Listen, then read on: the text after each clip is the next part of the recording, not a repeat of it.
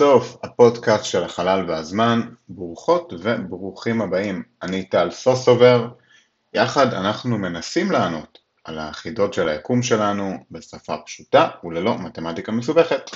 לא יהיה פשוט, אבל יהיה מרתק.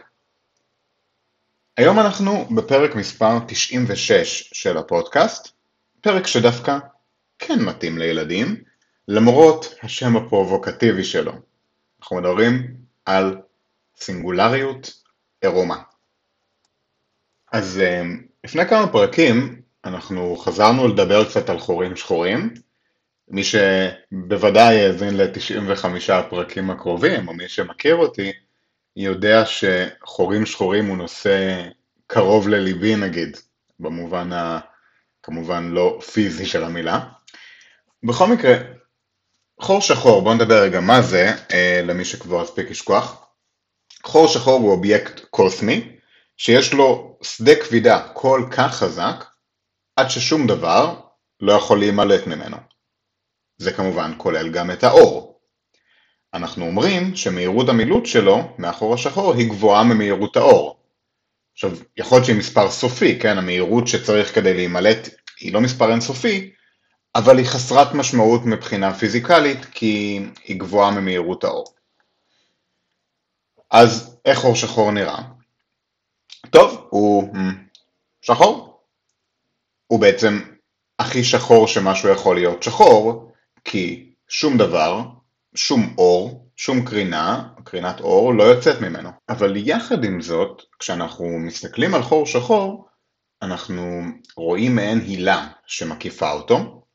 זה בעצם תוצאה מכך שהחומר שנופל לתוך החור השחור אמנם ממשיך ליפול לתוך החור השחור, אבל בגלל עיוות מרחב הזמן שיוצר החור השחור, הזמן של החומר שנופל מאט עבורנו הצופים החיצוניים, ולכן עבורנו לוקח לו תקופת זמן שאפשר לקרוא לה נצח להיכנס פנימה לחור השחור. עכשיו, בפועל האור לא ייראה לנו כקפוא לכניסה לחור השחור לנצח, כי יש הליכי דעיכה והיחלשות, שאנחנו לא ניכנס אליהם עכשיו, אבל הלכה למעשה בכל חור שחור קיים מעין קו גבול כזה, שאנחנו קוראים לו אופק האירועים, שבעצם ממנו והלאה הכל שחור. דיברנו על זה בהרחבה באחד הפרקים האחרונים, בפרק 91. עוד דיברנו בפרק 91 על זה שבמרכז כל חור שחור יש נקודה או טבעת אם החור השחור מסתובב, ובואו נודה על זה, כולם מסתובבים בטבע, אז בפועל בתוך חור שחור יש לנו טבעת, שהטבעת הזאת נקראת סינגולריות. סינגולריות היא נקודה בה חוקי הפיזיקה שלנו כבר לא עובדים. צפיפות החומר היא אינסופית, ולא ברור לנו מה קורה אם וכאשר מגיעים לנקודה הזו או לטבעת הזו. מכונת הזמן אגב היא הצד השני של הטבעת הזו, כלומר אם תעברו בטבעת הזו אתם סוג של תעברו בזמן. סוג של. כמובן אתם תמותו הרבה לפני, אבל בכל זאת. אמרנו גם שזה לא ברור מה קורה בנקודה או בטבעת הסינגולרית, כי כל חוקי הפיזיקה בעצם נשברים באזור הזה. יחד עם זאת, אמרנו שזה לא כזה חשוב, נכון? קודם כל, כל מי שנופל לחור השחור הוא נפרד מהיקום שלנו בפועל, והוא לא יחזור לעולם. בנוסף, אם הוא שם, הוא מת בטוח. אז לא ברור מה קורה בסינגולריות, אבל כן ברור שאנחנו לא יכולים לראות את הסינגולריות ולחזור בשביל לספר על זה. בכל זאת, בואו ננסה להתמקד בטבעת הסינגולרית הזו. בחור שחור לא מסתובב כאמור, כזכור או כאמור, הסינגולריות היא נקודה, אבל הסיבוב של החור השחור הוא מה שגורם לנקודה הזו להפוך לטבעת. הסיבוב בעצם גורר אחריו את מרחב הזמן, שזה קצת כמו לסובב משהו על פני שטיח, וכתוצאה מכך כל השטיח מסתובב. תחשבו על שולחן הקפה שלכם בבית, אם יש לכם שטיח תחתיו, ואתם מסובבים את שולחן הקפה, וכל השטיח מסתובב איתו. מכאן אנחנו מקבלים בעצם מערבולת, וזה ממש זהה לתופעה שקורית במים או כתוצאה מסופה של מערבולת. עכשיו, בדיוק כמו במערבולת, אנחנו רואים סחף שנוצר לכיוון הטבעת. תחשבו על סופת הוריקן, כן, יש לנו את עין הסערה. ועין הסערה הוא אזור של מזג אוויר נוח יחסית במרכז הסופה, והוא מוקף במעין טבעת שנקראת חומת העין. זה מאוד דומה למה, שקורה בחור שחור. הזרימה של מרחב הזמן בחומת העין, או בטבעת הסינגולריות, מגיעה למהירות גבוהה ממהירות האור. עד כאן אין הפתעות. העניין הוא שבמרכז הטבעת, בעין הסערה, הזרימה של מרחב הזמן כאילו עוצרת. האזור הזה של עין הסערה בחור השחור נקרא אופק האירועים הפנימי, וככל שחור השחור מסתובב מהר יותר, כך האזור הפנימי הזה גדול יותר, כן? בעצם כתוצאה מהסיבוב. ככל שהוא גדול יותר, אנחנו יכולים להגיע למצב שהוא גדול כל כך שהוא יתמזג עם אופק האירועים החיצוני. במקרה הזה, חור שחור שמסתובב מהר, שאופק האירועים הפנימי פוגש את החיצוני, שניהם נעלמים. שני אופקי האירועים. בעצם במצב הזה, אין לנו יותר אזור בו הזרימה פנימה של מרחב הזמן עולה על מהירות האור. מה שיש לנו במצב הזה, זה מרחב זמן סוג של נורמלי, אמנם מאוד מאוד עקום, אבל די נורמלי, עד שאנחנו מגיעים לטבעת הסינגולרית. זוהי הסינגולריות העירומה. סינגולריות שלא מוגנת על ידי אופק אירועים כלשהו. עכשיו, לחורים שחורים יש רק שלוש תכונות כזכור. מסה, שזה די מה שמגדיר אותם, כן? סיבוב, דיברנו עליו עכשיו, ומטען חשמלי. למען האמת, זה קצת יותר תיאורטי, אבל אפשר גם לתאר את הסינגולריות העירומה באמצעות מטען חשמלי. אפילו בעבור חור שחור טעון חשמלית לא מסתובב. כזכור, בחור שחור לא מסתובב, סינגולריות היא נקודה. ככל שיש לנו מטען חשמלי גבוה, כך בעצם הוא דוחף יותר החוצה. בעצם כך הוא מתנגד לכוח הכבידה. עכשיו, גם פה אנחנו נקבל אופק אירועים חיצוני, בו ההתנגדות של המטען החשמלי מצליחה לנצח את המסה של הכבידה. לכן, מהירות זרימת מרחב הזמן שם תהיה נמוכה יותר ממהירות האור. אז גם במצב התאורטי הזה, עם מטען חשמלי מאוד מאוד חזק, אנחנו נקבל סינגולריות עירומה. בואו נתעכב רגע על הנקודה הזו, במקרה של חור שחור מסתובב לא טעון, או חור שחור לא מסתובב טעון. יש לנו נקודה מסוימת בה אופק האירועים הפנימי שווה בגודלו לאופק האירועים החיצוני. כן, זה מה שאנחנו בעצם מחפשים פה.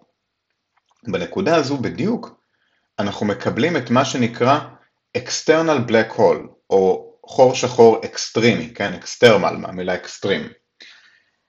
בחור שחור כזה יש לנו את המקסימום של סיבוב או מטען בו עוד יש לנו אופק אירועים.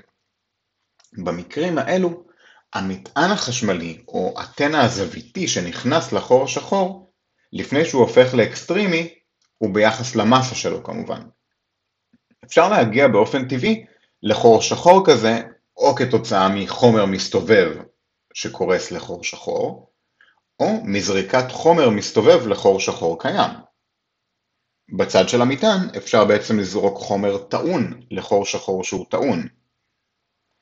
האמת היא שחור שחור ענק טעון חשמלית ידעך בקרינת הוקינג שהיא בעיקר פוטונים חלשים ניטרליים לאורך זמן, לכן הוא יאבד מסה, אבל הוא לא יאבד מטען חשמלי, כן, כי הפוטונים ניטרליים. אז לאחר טריליוני שנים הוא יכול להגיע למצב של extremal. זה כמובן לא חשוב איך מגיעים למצב הזה, ואני רגע רוצה להסביר שאפשר להגיע למצב הזה. בכל מקרה, ברגע שיש לנו חור שחור extremal כזה, הוא יכול להתקיים עוד המון המון זמן. אולי אפילו נצח. זכרו, קרינת הוקינג, שגורם בעצם לקיטון במסה של החור השחור, היא תכונה של אופק האירועים של החור השחור. לפי קרינת הוקינג, נוצרים כל הזמן זוגות חלקיקים וירטואליים בכל מקום במרחב, גם על סף אופק האירועים של החור השחור. ברגע שאחד מהם נופל פנימה ואחד החוצה, אנחנו צריכים לשלם במרכאות על המסה החסרה.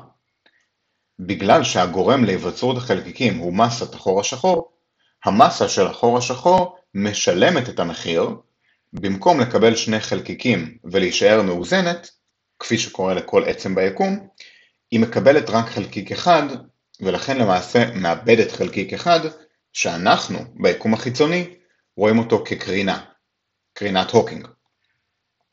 על כן, המסה שנפלטת בקרינת הוקינג היא בעצם מתוך אי הוודאות הקוונטית, ואני מזמין אתכם להאזין שוב לפרקים על קרינת הוקינג ועל חלקיקים וירטואליים. אבל למרות שהקרינה הזאת היא מתוך אי הוודאות הקוונטית, המקור שלה הוא בעצם המסה שנפלה לפני מיליארדי שנים בחור השחור. זה די spooky, בוא נודה בינינו, אבל מה לעשות. עכשיו חזרה לסיפור שלנו. כשאנחנו מדברים על חור שחור אקסטרימי, אין לנו אופק אירועים בחור השחור הזה. עכשיו, אמרנו קרינת הוקינג תכונה של אופק האירועים, לא תכונה של החור השחור. אז אם אין אופק אירועים, אין קרינת הוקינג. ואם אין קרינת הוקינג, המסה של החור השחור לא קטנה עוד יותר מעבר למה שהיא כעת. על כן, סינגולריות ערומה לא משתתפת בתהליך קרינת הוקינג. חורים שחורים אקסטרימיים מאבדים מסה כתוצאה מקרינה, בתהליך הרבה יותר איטי מקרינת הוקינג האיטית ממילא. אז מה בעצם קיבלנו? בתוך חור שחור אקסטרימי אנחנו אמורים לקבל סינגולריות עירומה. סינגולריות שלא מוגנת באמצעות אופק האירועים.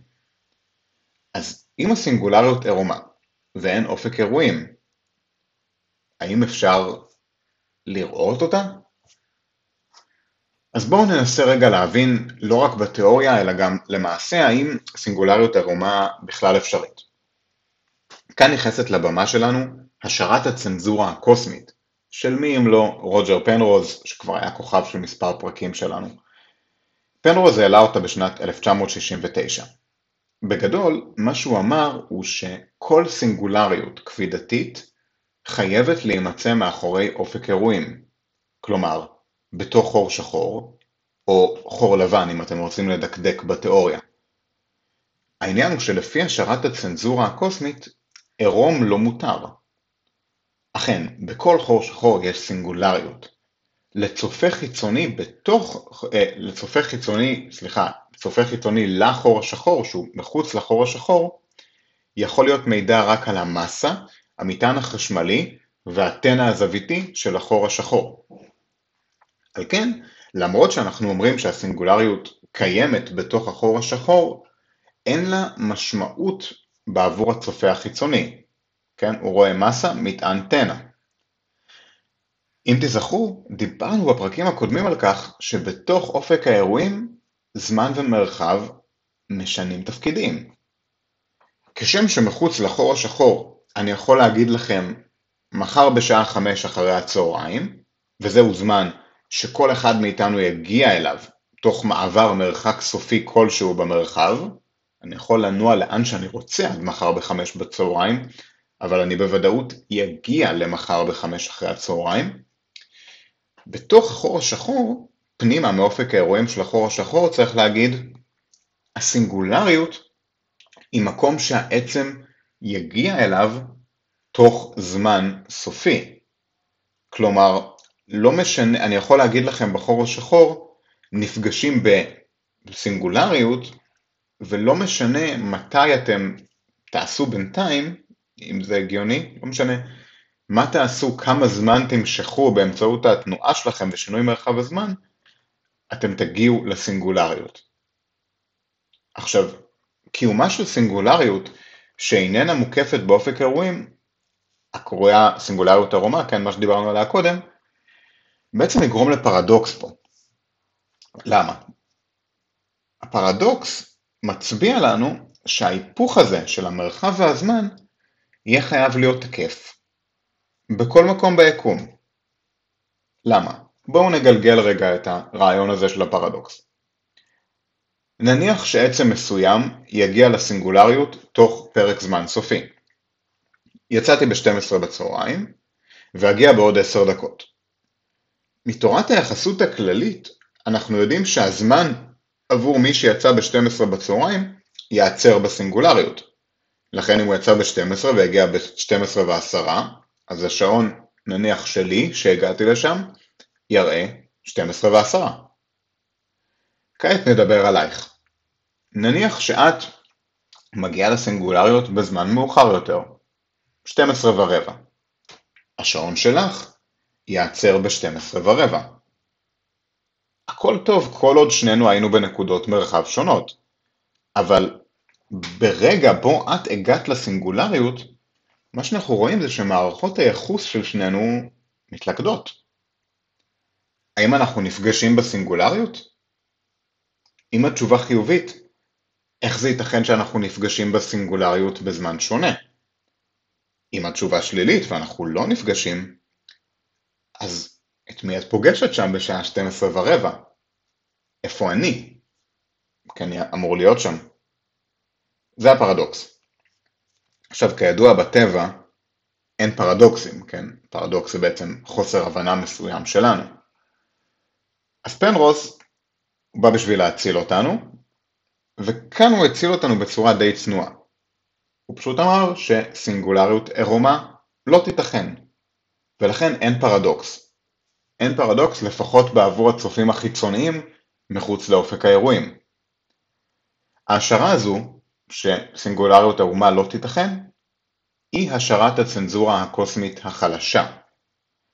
הגרסה החזקה של פנרוז, משנת 78, אומרת שגם בתוך אופק האירועים אנחנו לא נוכל לראות סינגולריות עירומה, בהנחה שתורת היחסות הכללית תקפה שם. בעצם, לפי השערת הצנזורה החזקה, אנחנו צריכים תיאוריה חדשה להסביר מה שקורה באזור הסינגולריות. כבידה קוונטית, כן? כמובן אין לנו אותה.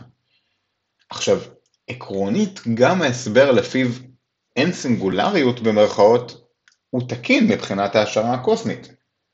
אבל בואו, זה, זה הרבה פחות מרגז, הרבה פחות מרגש, נכון? לחשוב שבמרכז החורה שחור אין סינגולריות.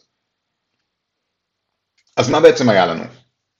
אמרנו שסינגולריות ערומה אולי אפשרית תאורטית, אבל פנרוס בא ושם לנו צנזורה ואמר לנו שהיא לא יכולה להתקיים בפרקטיקה.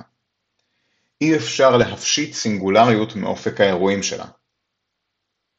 הבעיה היא שפנרוז לא נותן לנו את המנגנון הפיזיקלי שהביא אותו להשערה הזאת. אז בואו נחזור רגע לחור השחור המסתובב. חורים שחורים מסתובבים מקבלים את הסיבוב שלהם מדברים שהם בלעו.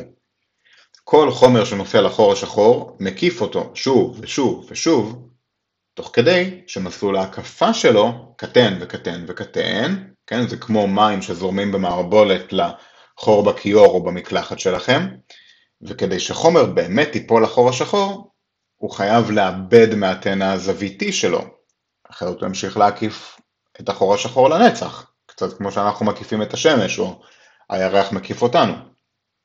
בחור השחור אם יש לנו, נדמיין נגיד דיסקת גז שמקיפה את החור השחור, החיכוך של הגז עם עצמו גורם לאובדן של תנע זוויתי, פחות תנע זוויתי, פחות התנגדות לנפילה פנימה, סיבובים יותר יותר יותר קרובים, ובסוף הגז נופל פנימה.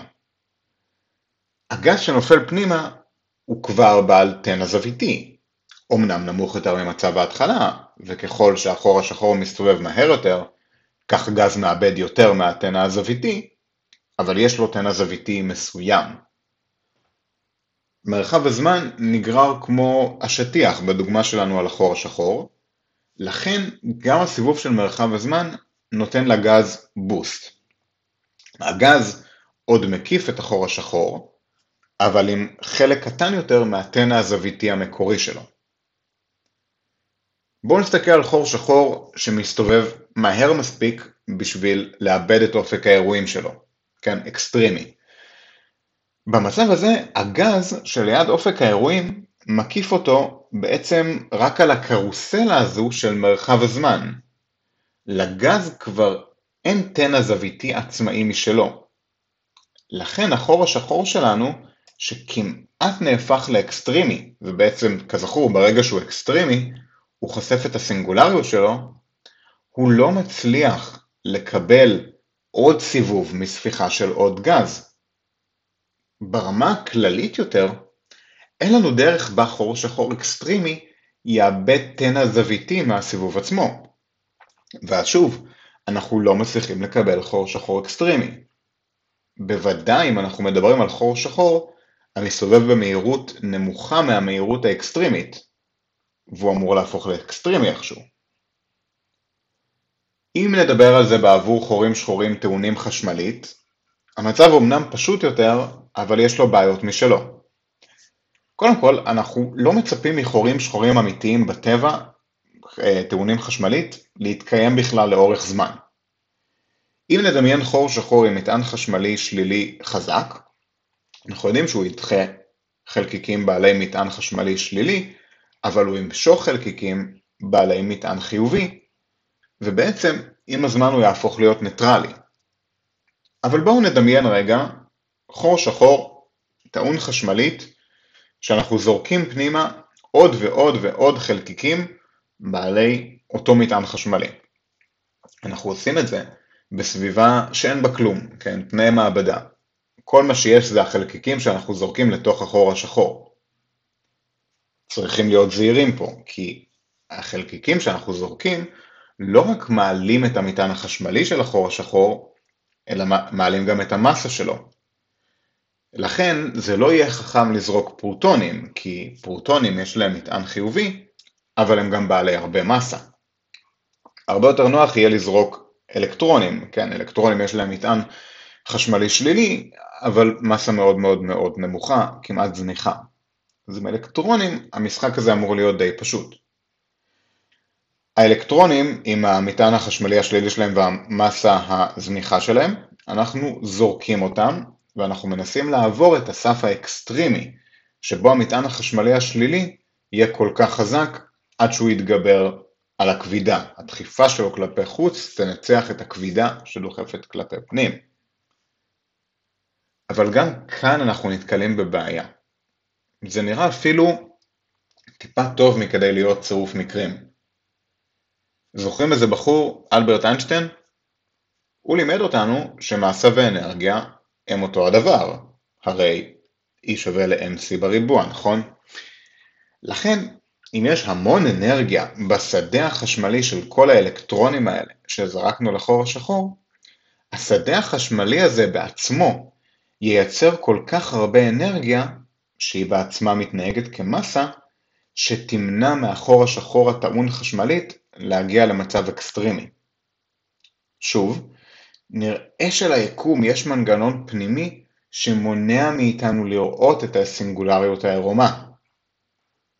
העניין המרכזי הוא שאין לנו הבנה למה וגם האם הצנזורה הקוסמית מתקיימת בכלל. בהגדרה הטכנית נראה שחוקי הפיזיקה כן מאפשרים הפרה של הצנזורה הקוסמית. על כן, בהתערבות מפורסמת בשנת 1991, טען הפיזיקאי הדגול סטיבן הוקינג שהשערת הצנזורה הקוסמית נכונה. לעומתו, טענו הפיזיקאים ג'ון פרסקיל וקיפ טורן נגדו, נגד ההשערה. נקבע שהמפסיד ירכוש עבור הצד המנצח בגד, כדי שהמנצח לא יהיה עירום. בשנת 1993 הצליחו חוקרים לדמות מצב של יצירת סינגולריות עירומה, כאשר לצורך ההדמיה נבחר פיזור של חלקיקים בעלי ספין 0, חסרי מסה, שהיו מפוזרים במרחב פיזור סימטרי וכדורי. נקודת החולשה וחוסר הכלליות של ההדמיה נבעו מכך שהם בעצם הנדסו תנאים מאוד מיוחדים. אלו לא תנאי ההתחלה הגנריים של חור שחור שאנחנו מכירים, ואם הם היו משנים את מיקומו של חלקיק בודד, אז ההדמיה לא הייתה מובילה ליצירת סינגולריות ערומה. כלומר, תאורטית זה עובד, אבל לא נראה שזה מודל סביר לתיאור הטבע. יחד עם זאת, עם פרסום תוצאות ההדמיה הממוחשבת, כמובן שפרסקיל וטורן ביקשו את הפרס מהוקינג. הוקינג נכנע רק בשנת 97, וטען שההפסד נובע מעניינים טכניים בלבד. כלומר, נוסח ההתערבות לא היה מדויק.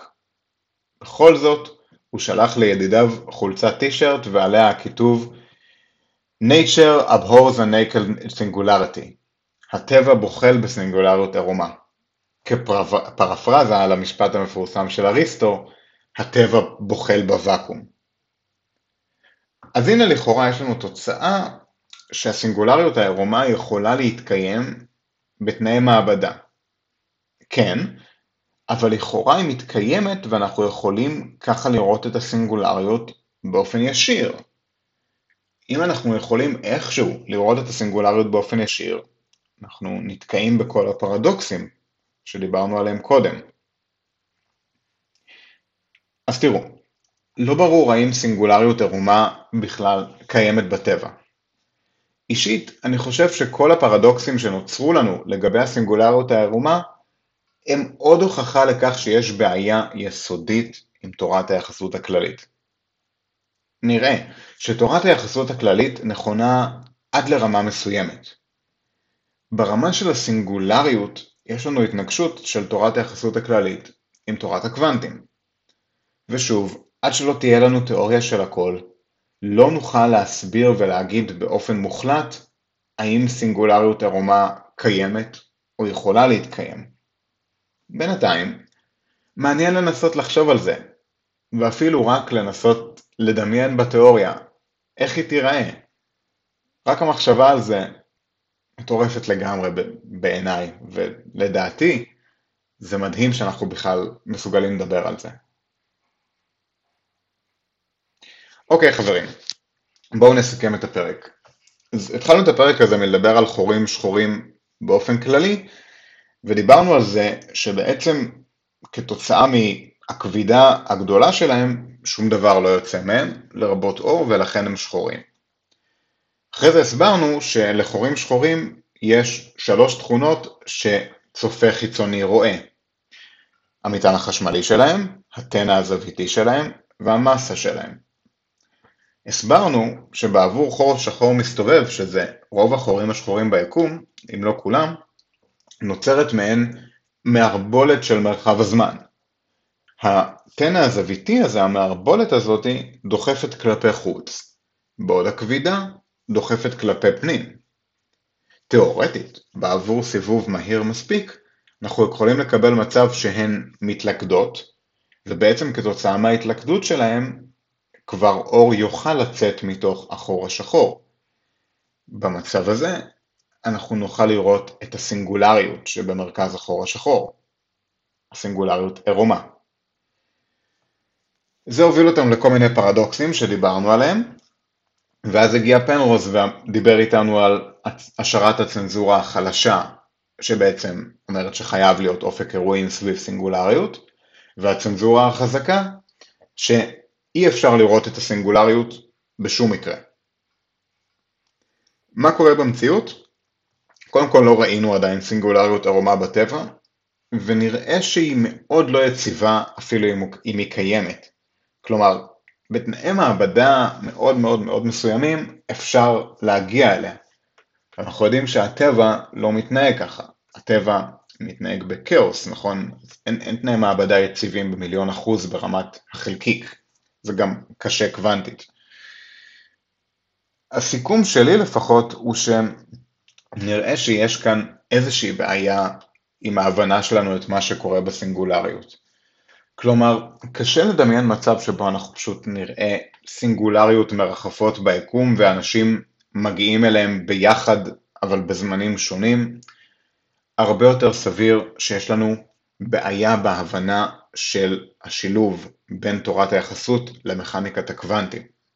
אנחנו נצטרך תיאוריה של הכל שמאחדת את מכניקת הקוונטים עם תורת היחסות בשביל להבין לעומק מי ניצח בהתערבות על אותה חולצת טישרט ב-1991. תודה רבה רבה לכם על ההקשבה. אל אינסוף הוא פודקאסט שמונגש לכם בעצם בשביל להבין את החלל, כולכן וכולכם, ללא הבדל גיל ידע מתמטי או כל הבדל אחר שנופל לחור השחור, הסקרנות היא של כולנו.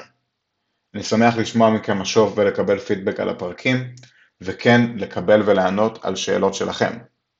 יש לנו עמוד פייסבוק בשם אל האינסוף, מוזמנים לבקר שם, לעשות ריוויו מוצלח לעמוד, להיכנס לאפל פודקאסט או לכל מקום שבו אפשר לדרג פודקאסטים ולתת דירוג גבוה. זה עוזר מאוד מאוד להגיע לקהלים חדשים. אל תשכחו שהפודקאסטים האלה בסוף הם בחינם, בהפקה עצמאית שלי, ואני לא מקדם את זה ולא אה, שום דבר. כלומר, אנחנו מגיעים לאנשים רק באופן אורגני. אז תודה רבה לכל מי ששיווק את הפרקים עד כה. פרק כמו זה לוקח לי לא מעט שעות עבודת מחקר, הכנה, הקלטה ועריכה, אה, ואני באמת מביא לכם את זה כדי לחקור את היקום ולפתוח את הראש, ואולי לגרום לכם להתעמק בנושאים האלה. אם אהבתם את הפרק, שתפו עם חברים, תנו חמישה כוכבים. אחד המעריצים של הפודקאסט סיפר לי שכל פעם שהוא נותן לנו חמישה כוכבים בדירוג הפודקאסט, הוא רואה סינגולריות ערומה. אני במקומכם, הייתי עושה את זה עכשיו. אז עד הפעם הבאה, ושוב, תודה רבה רבה לכם על ההקשבה. שלכם, טל.